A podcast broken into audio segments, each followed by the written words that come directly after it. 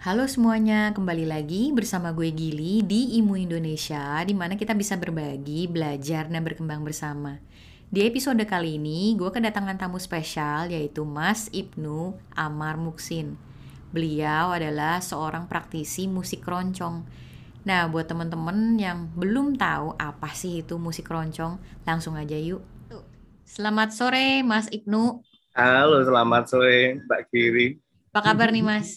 Baik, alhamdulillah Wah. baik sekali. Wah, syukur, syukur, syukur. Sekalipun, Mas Ibnu, Hah? ya, sekalipun Mas Ibnu? ya masih rasa-rasa hmm. pandemi gitulah, tapi kan kita tetap harus selalu semangat. Semangat, betul. Mas Ibnu, thank you ya. banget udah nyisihin waktu Siap, buat Imu sami, sami. jadi narsum di Imu sore-sore gini. Baru pulang kantor nih ya Mas ya katanya. Iya, betul.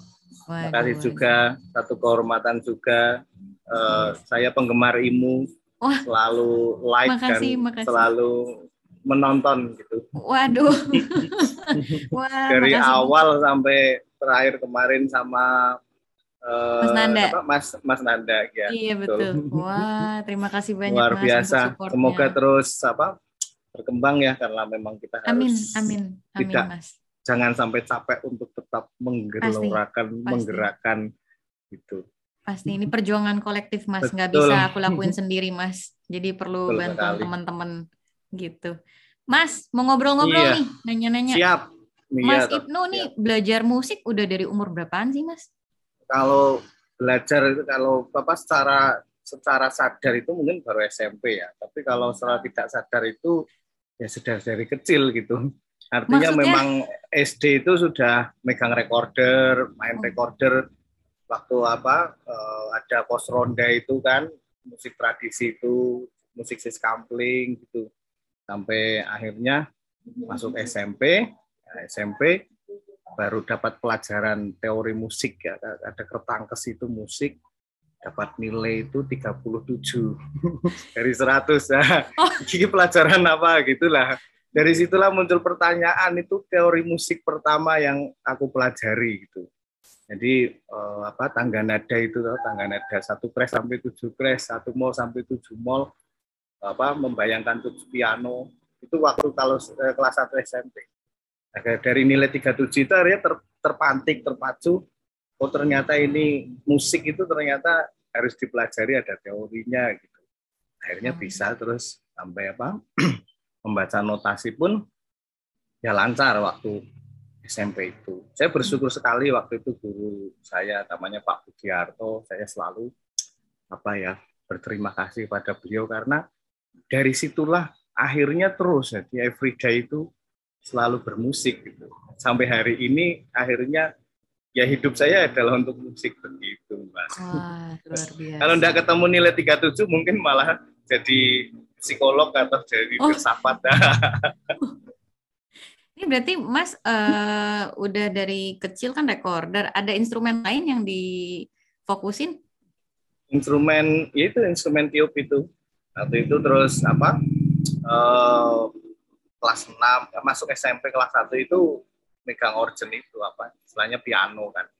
Oh, wow. Nah, kebetulan kakak sepupu putranya Bude itu kan kuliah di ISI lah, punya materi-materi dikirim gitu. Tapi ya tidak diajari karena beliau gitar, aku belajar oh. piano dikasih Clementine waktu itu ada Bayer apa itu Wah. ya ah otodidak itu istilahnya kan. Mm-hmm. Tapi jadi seneng gitu dan karena aku di desa ya, aku di desa di Banjarnegara di desa Wanagadi itu memang tidak ada guru piano itu waktu itu ya ya ya sudah tidak ada YouTube apa apa platform saat ini kan orang lebih mudah ya. Dulu benar-benar satu buku itu itu wah rasanya itu menjadi jimat gitu. jadi sesuatu kitab yang sangat berharga kala itu. Luar sangat, biasa. sangat asik akhirnya ya karena Sun seneng ya seneng terus terus artinya apa? Benar-benar jiwa menjiwai sekali waktu itu. Hmm. SMP itu ya terus ya berangkat sampai akhirnya sampai ke SMA di SMA udah jadi player itu solo organ. Dangdut wow. ke tarling apa itu campur sari apa wah ke mana-mana sampai presentase sekolah sama bolos itu mungkin banyak bolosnya. Karena karena dulu kan sering PY istilahnya ya itu. Jadi sering main itu di hajatan apalagi kalau pas zaman-zaman pilkada itu kan kampanye apa itu sampai hmm. pernah dipanggil BK karena ikut kampanye oh. udah pakai apa tutup penutup apa tapi tetap ketahuan kan oh. waktu itu hmm. itu saking Ini, asiknya yang akhir apa akhirnya kan Mas ini Mas itu kan hmm. kan S1-nya juga ngambil jurusan musik ya uh, betul, di betul. tadi di sempat mention di mana? UGM bukan? Eh di UNES, UNES, di UNES iya betul. itu waktu musik. mutusin untuk kuliah jurusan musik ditentang keluarga atau di fully support Mas? Oh sangat disupport waktu oh itu. sangat disupport. Wow. Iya. Wow luar biasa luar biasa. Ya, karena Soalnya memang kan gini, Mm, mm, kan stigma yang beredar, maksudnya kadang-kadang uh, musisi mau makan apa gitu kan? Kadang-kadang masih mm, ada mm. orang tua yang melarang anaknya untuk kuliah jurusan musik karena stigma itu gitu loh mas. Tapi luar biasa ya keluarnya, eh keluarganya Mas Ibnu malah mendukung ya? Iya sangat mendukung itu. Wow. Karena memang SMA juga sudah istilahnya bahasanya ya sudah semi mandiri lah itu karena sudah dapat penghasilan dari musik juga. Gitu. Wow luar biasa. Mas Ibnu nih kalau aku hmm. lihat profilnya kan Mas Ibnu ini pianis sekaligus flut flutis ya pemain flute juga ya. Iya. Ini yang betul. jadi pertanyaanku nih. Berarti kan Mas ini kan classical train dong. Classical Enggak. barat gitu. Kan pianis yeah, sama yeah, flute gitu kan. Mm, mm, mm, nah, yang buat betul. Mas Ibnu akhirnya mutusin untuk mendalami musik keroncongnya apa nih? Ya, sebetulnya kan awalnya kan dari piano dulu ya, belajar piano terus kebetulan SMP eh, ada lomba nyanyi keroncong itu kan. Selain itu memang di keluarga ada apa saudara yang memang senang keroncongan itu. Jadi sudah sudah nyanyi penyanyi dulu jadi penyanyi keroncong itu lomba kebetulan juara juara lomba lah sampai apa SMA pun juga masih ada lomba itu sampai di provinsi apa ikut lomba keroncong itu. Nah, terus baru belajar flute itu ketika kuliah. Kuliah ah. baru belajar flute. Karena memang basicnya dulu dari tiup apa kayu suling-suling bambu itu, suling dangdut itu juga kan aku main gitu. Jadi transisi ke flute bisa. Nantinya hmm. playing playingnya untuk playingnya apa ya ya populer aja gitu. Yang payu lah gitu. Oke oke oke oke. Gitu. Nih boleh cerita sedikit nih Mas uh, mm -hmm. ke teman-teman Imu di sini apa sih sebenarnya musik keroncong tuh gitu? Oke, musik keroncong itu uh, sebetulnya kan musik populer ya, sama seperti musik pop lah gitu ya. Tapi memang uh, apa punya ciri khas unik ya. Jadi memang kalau dilihat itu kan keroncong itu kan musik salah satu musik Nusantara seperti halnya musik dangdut gitu atau musik kosidah yang musik religi itu gitu. yang punya keunikan sendiri gitu. dan eh, apa ya menjadi satu ciri juga apa istilahnya identitas juga eh, Indonesia gitu sebetulnya keroncong itu ya dulu lah perjalanannya kan panjang artinya memang kalau teman-teman yang hanya sekedar tahu secara kulitnya saja kan keroncong tahunya dari Portugis itu aja. Padahal kalau di Portugis ya tidak ada, nggak bakal ketemu keroncong. Pas dulu saya kedatangan teman dari Portugis, Julio Pereira juga dia dia tidak bawa cavaquinho, tidak sama dengan keroncong. Artinya keroncong itu memang uh, produk hibrid yang benar-benar Nusantara banget, Indonesia banget gitu. Hanya karena memang banyaknya tawaran musik ya di di Indonesia sekarang kan banyak genre-nya, makanya ya jadi apa uh, mungkin agak termarginalkan atau minor lah gitu, tidak seperti musik-musik yang sekarang ini ambiar juga lagi naik gitu kan, atau mungkin musik populer yang sedang naik seperti itu. Ah, I see, I see. Ini sebagai praktisi musik keroncong nih Mas, bisa ceritain dikit nggak Mas, kiat-kiat hmm Mas Ibnu buat exposing genre musik ini ke masyarakat gimana? Iya. Memang keroncong itu kan unik ya, unik punya ciri khas ya, ciri khas ciri khas yang terdengar itu kan dari suara cakcuk ya, cakcuk selo itu kan yang istilahnya saling interlocking, saling mengisi kan. Nah, kalau eh, masalah garap itu saya sih sebetulnya memang lebih banyak ke populer ya. Artinya keroncong ini sebagai medium istilahnya kan ada ruhnya, ada stylenya itu. Itu kan bisa dipakai eh, apa digabungkan dengan mungkin band atau apa gitu. Tapi yang paling penting sebetulnya seperti uh, teman-teman yang ada di Jepang itu, jadi sekalipun dia gaul lah itu mengikuti sesuai dengan seleranya entah mau underground entah mau rock mau apa pun ya mau jazzy yang mau yang swing mau yang melo-melo apa itu tapi jati dirinya mereka itu ter, ke, terhadap tradisi itu tetap menghargai gitu. Hmm. Nah, itu itu sebetulnya uh, bagaimana itu bisa tertanamkan itu. Karena kan uh, mungkin mungkin dulu ada stigma bahwa keroncong itu orang tua ngantukin kan seperti itu. Tapi saat ini kalau kita lihat katakan uh, aku melihat transisi yang begitu cepat ya di, di terutama platform YouTube ya.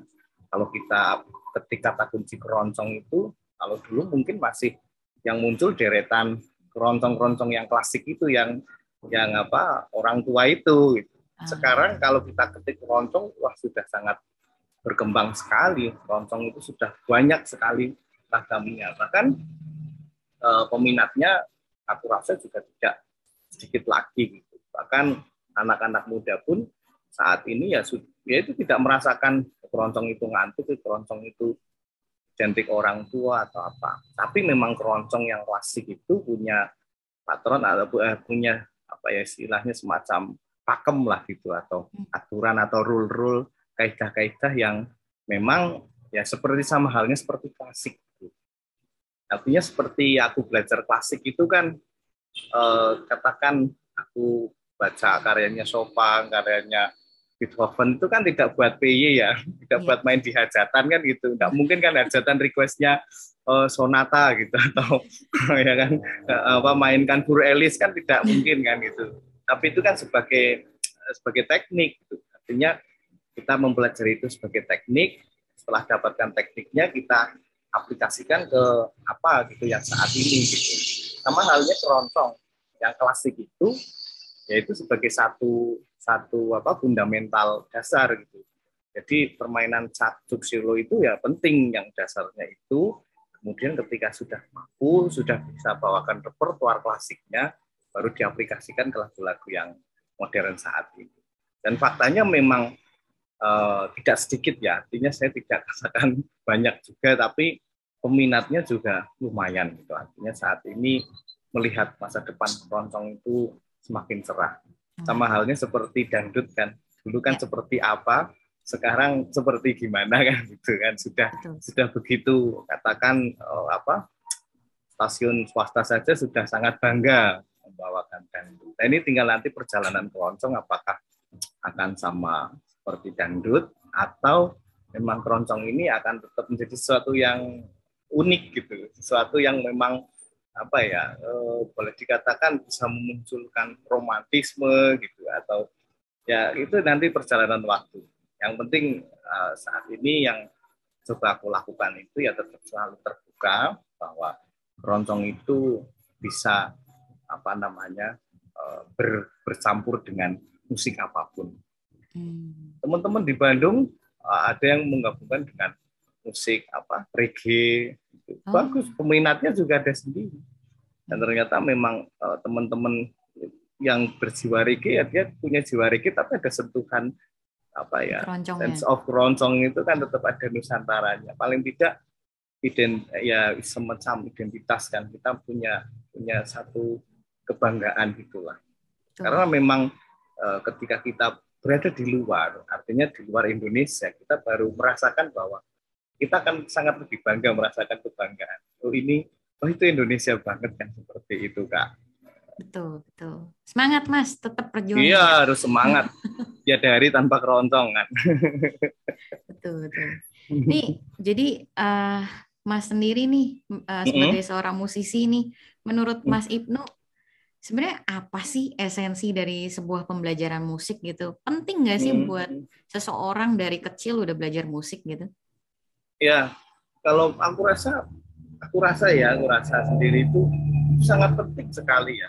Artinya tadi yang saya katakan ketika ditanya Pak Gili itu apa aku itu sadar belajar itu kapan kan? Aku sadar belajar itu kan SMP artinya sebetulnya yang tanpa sadar itu kan sudah melakukan. Nah, nah bagaimana ini istilahnya eh, menghadirkan musik itu di keluarga itu sampai menjadi satu apa ya habit lah gitu. Kalau uh, apa aku punya temen itu yang dari apa yang dari Swiss apa itu kalau tidak salah itu jadi memang kayak satu kewajiban itu di keluarga itu mempelajari musik gitu. Tapi hadirnya musik ini menjadi satu satu habit, satu kebudayaan apa sehari-hari gitu. Artinya nanti kamu mau milih apa nyanyi atau belajar instrumen seperti itu. Sampai di sekolah pun memang di disupport uh, musik itu menjadi sesuatu yang penting gitu. Ya, lain di tempat kita kan memang masih agak agak minor ya musik ya, itu. apalagi kalau udah musim ini mau ujian nasional dulu itu pelajaran seni dihapus dulu itu diganti pelajaran yang apa prioritas untuk ujian gitu. Jadi nah itu mungkin uh, dari situlah penting mungkin akan apa eh, dari keluarga ya artinya pentingnya itu. Terus kalau katanya belajar sih saya katakan musik itu kan miracle ya sesuatu yang ajaib lah. Jadi dia itu bisa didekati baik secara apa ya istilahnya eh, natural maupun secara pendidikan itu ya artinya ada, ada sesuatu yang terstruktur atau ada teorinya itu. Artinya sebetulnya memang musik itu sangat lentur dan luas gitu. Jadi dia bisa hadir uh, katakan aku mempelajari harmoni ya, chord itu ya, sampai ke apa extended chord katakan yang sudah superimposing itu kan.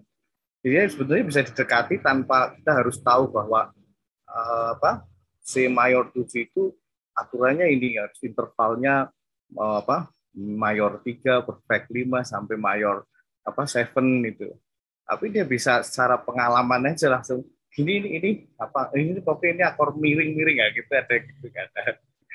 Jadi kalau e, menurut keduanya itu apa ya bisa hadir ya bisa hadir di di terutama di negeri kita ya karena memang e, kita tidak lepas dari sejarah sejarah sejarah bangsa kita sejarah peradaban bangsa kita bahwa oral tradition ya. Tradisi lisan itu kan kuat gitu. Oh. makanya makanya ya ya itu eh, artinya yang penting menghadirkan musik itu ya sensitif gitu aja menurutku loh ya setuju gitu, sih mas kan maksudnya lewat dari musik gitu ya kayak kata mas gitu kalau sampai luar negeri mm. kita bisa bangga ini identitas negara kita iya, betul, sendiri betul gitu sekali, kan betul mm -mm. terus bisa juga mm. sampai menelusurin adat istiadat sejarahnya mm. orang Indonesia tuh gimana luar biasa memang sebenarnya mas mm. ya cuman betul. masih perlu di apa sharing lagi ke banyak orang ini iya hmm Ya itu mungkin kan karena kesuksesan apa strategi perangnya Sun Tzu itu kan apa artinya sampai ada stigma tadi ya musik itu mungkin tidak bisa menghidupi mendengar keroncong itu sesuatu yang kuno yang apa sesuatu yang antuki gitu. Itu, itu kan kalau di, di ekstraksi itu kan sebetulnya salah tiga salah empat dari strateginya Sun Tzu untuk menghancurkan sebuah peradaban. Hmm. Jadi salah satunya itu adalah eh, apa? Jauhkan generasi penerus itu dengan leluhurnya atau nenek moyangnya. Hmm. Dengan mengatakan bahwa leluhurnya itu kuno, leluhurnya itu ketinggalan zaman. Ada orang mungkin melihat, oh, dulu anu ya nenek moyang kita itu primitif kan itu, menyembah apa patung menyembah ini animisme gitu. Ya. sebenarnya hmm. itu kan padahal kalau sampai jauh ternyata di luar itu keilmuan tentang astronomi itu sangat dalam di situ kita kan kadang kan hanya itu loh kulitnya sampai eksplisitnya seperti itu sampai halnya di musik juga kan seperti itu artinya eh, itu kesuksesannya kesuksesannya apa ya istilahnya supaya kita itu jauh dengan generasi-generasi. Hmm. Kita kan memang kalau tarik sejarah kan banyak terputus-putus ya. Ya betul. Hmm, makanya ya nggak ini kita harus punya kesadaran itu betul betul itu, itu gunanya imu di sini nih mas mm -mm, oh, harus itu ya betul intelijennya ya kan musiknya itu nih kalau waktunya kita nggak terbatas, ini ngobrolnya hmm. bisa panjang banget nih Mas nih, sampai ya, ke filsafat juga nih. Oh, bisa sampai subuh. Aku itu kalau sama temen-temen itu udah duduk itu, kalau udah cerita itu bisa sampai pagi. Waduh, waduh, waduh. Mas Ibnu, iya, ada wejangan nggak nih buat teman-teman IMO di sini supaya mereka tuh mau hmm. secara kayak Mas bilang secara sadar hmm uh, melakukan sebuah gerakan secara kolektif nih buat ngenalin hmm. lagi musik dengan genre yang mereka gelutin mungkin kayak dangdut atau hmm. uh, keroncong gitu loh tanpa harus menjatuhkan genre musik yang lain gitu kan terkadang hmm. nih masih ada beberapa pihak gitu yang menganggap oh uh, genre ini lebih bagus kalau yang lain nggak bagus gitu. Mm -hmm. Ya itu wajar sih ya karena memang masalah selera ya, tapi paling tidak kesadaran kesadaran menghadirkan kesadaran apa tadi itu menghargai kan. Artinya menghargai bangga dengan kebudayaan identitas budaya atau apa istilahnya eh, sesuatu yang melekat gitu kan oleh oleh yang ditinggalkan nenek moyang kan gitu. Artinya seperti keroncong, tadi itu gamelan, terus apa mungkin ya termasuk kalau dangdut sudah berhasil ya. Artinya aku rasa sih itu hanya hanya masalah kesadarannya itu saja kan. Dan memang eh, paling penting paling penting ya membuat apa ya musik itu hadir gitu. Nah, istilahnya apa ya tidak hanya sekedar tadi itu akhirnya sampai terlalu apa ya terlalu fanatik ya pada satu genre kan gitu. Hmm. Nah, itu kan masalah selera tapi kalau istilahnya istilah itu kan kadang kayak eh, kita kan punya keyakinan gitu. Nah, hadirkan musik itu seperti keyakinan, musik tradisi itu seperti keyakinan bahwa ya mungkin mau tidak mau harus hadir dulu gitu. Ketika ketika sudah hadir di diri kita, kita kan akan menghargai. Seperti itulah, mencintai tentu saja eh, ada sesuatu yang yang nanti penting gitu kan itu. Artinya kekuatan jati diri bangsa itu. Karena kan memang uh, Bung Karno itu kan selalu menekankan bahwa kita harus berdikari kan. Berdiri di atas kaki sendiri artinya termasuk landasan-landasan kebudayaan kita sebetulnya memang harus kuat. Bukan masalah apa-apa dulu ketika katakan zaman Bung Karno itu musik-musik ngak-ngik itu dilarang kalau kita sudah dewasa, it's no problem mungkin. Hmm. Tapi kalau kadung anak-anak itu dia belum tahu tentang jati dirinya, sudah dicekoki dengan apa sesuatu yang liberal, sesuatu yang bebas, sesuatu yang uh, belum masanya dia untuk dinikmati, kan akhirnya abort. Hmm. Nah, seperti kita saat ini, kita sebetulnya sadar bahwa kita generasi abort. Karena kan lepas waktu itu ya, artinya sampai akhirnya hadirnya musik-musik ngak atau musik yang saat ini populer kan gitu kan itu mendominasi. Permasalahannya bukan musiknya itu tapi apa ya ekspansi yang lain di belakang musik itu yang akan membawa termasuk masalah budayaan kan. Hmm. aku rasa sama seperti K-pop kan bukan hanya gengsi masalah musiknya ya enggak tapi kan nanti asedonya yang di pipi gitu nanti bajunya gitu sampai model rambutnya kan itu itu yang terbawa kan itu juga itu. makanya memang sadaran itu bahwa ya kita harus punya identitas yang kuat gitu itu aja sih yang paling tetap menghargai penting. perbedaan iya. ya mas ya meskipun iya. beda tapi kita harus saling menghargai gitu nah malah mungkin menurutku kehadiran kata perbedaan itu yang membuat membuat sesuatu jadi jadi tidak bisa dinikmati Artinya sebetulnya ketika kita melihat merah, kuning, hijau, biru dan lain-lain itu kan ragam warna gitu. Walaupun mungkin memang uh, secara logika apa ya bisa dikatakan logika itu kan itu berbeda kan gitu. Tapi kalau kita tidak tidak guna kata itu kita menikmati keragaman itu kan akan akan punya sugesti yang lain mungkin kan gitu. Jadi bagaimana uh, ya kita harus punya semacam keterbukaan untuk mengapresiasi.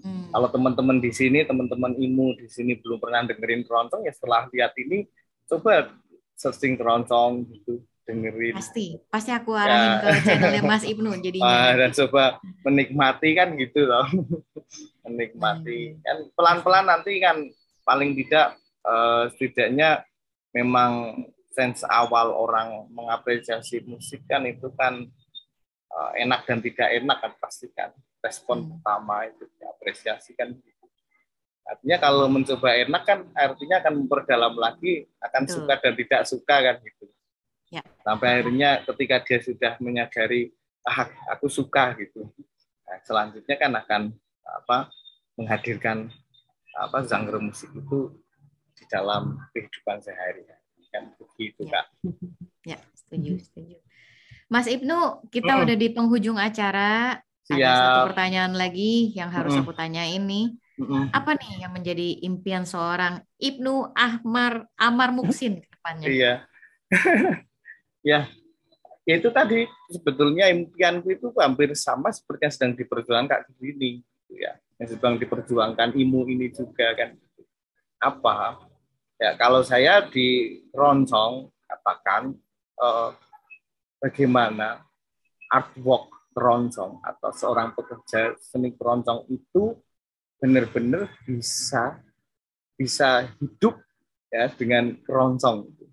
Jadi walaupun saat ini stigmanya keroncong itu bisa menjadi satu sesuatu yang komoditi dan sesuatu yang apa sesuatu yang bukan komoditi atau sebuah kesenian kan gitu Nah, ini bagaimana impianku ya artinya benar-benar ya tidak hanya keroncong mungkin nanti pekerja seni khususnya pekerja musik itu di Indonesia itu benar-benar ya ya kita bisa hidup mengandalkan dari musik ini jadi tidak hanya survive saja tapi sampai ke surplus sampai bisa apa ya hidup secara standar lah gitu Amin. secara gitu ya kada itu kan itu tidak mudah artinya karena memang multi lapis ya artinya ya. Uh, kalau tahu masuk lebih dalam di roncong itu kan memang apa uh, memang ada tiga ya kategori yang saya katakan sebagai pelaku keroncong ada seorang yang diletan kan gitu ya atau hobis kan gitu jadi ada yang memang artwork betul-betul dia mengandalkan hidupnya lewat keroncong lewat musik itu dan ada yang memang ada artis gitu. nah ini yang di tengah-tengah ini yang multi lapis gitu artinya hmm. advok ini maaf ada yang ngamen kan gitu. Hmm. mengandalkan recehan setiap hari untuk bertahan hidup. Nah, kita bagaimana kita tetap aktif bareng-bareng dengan mereka untuk mencari solusi ya kan problem solving untuk bisa tidak hanya survive saja tapi surplus tetap dengan keroncongan Nah, ini PR berat. Tapi mimpi kan mimpi toh. Boleh.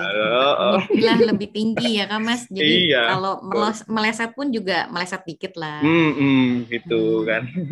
Wah, luar biasa nih Mas Ibnu nih.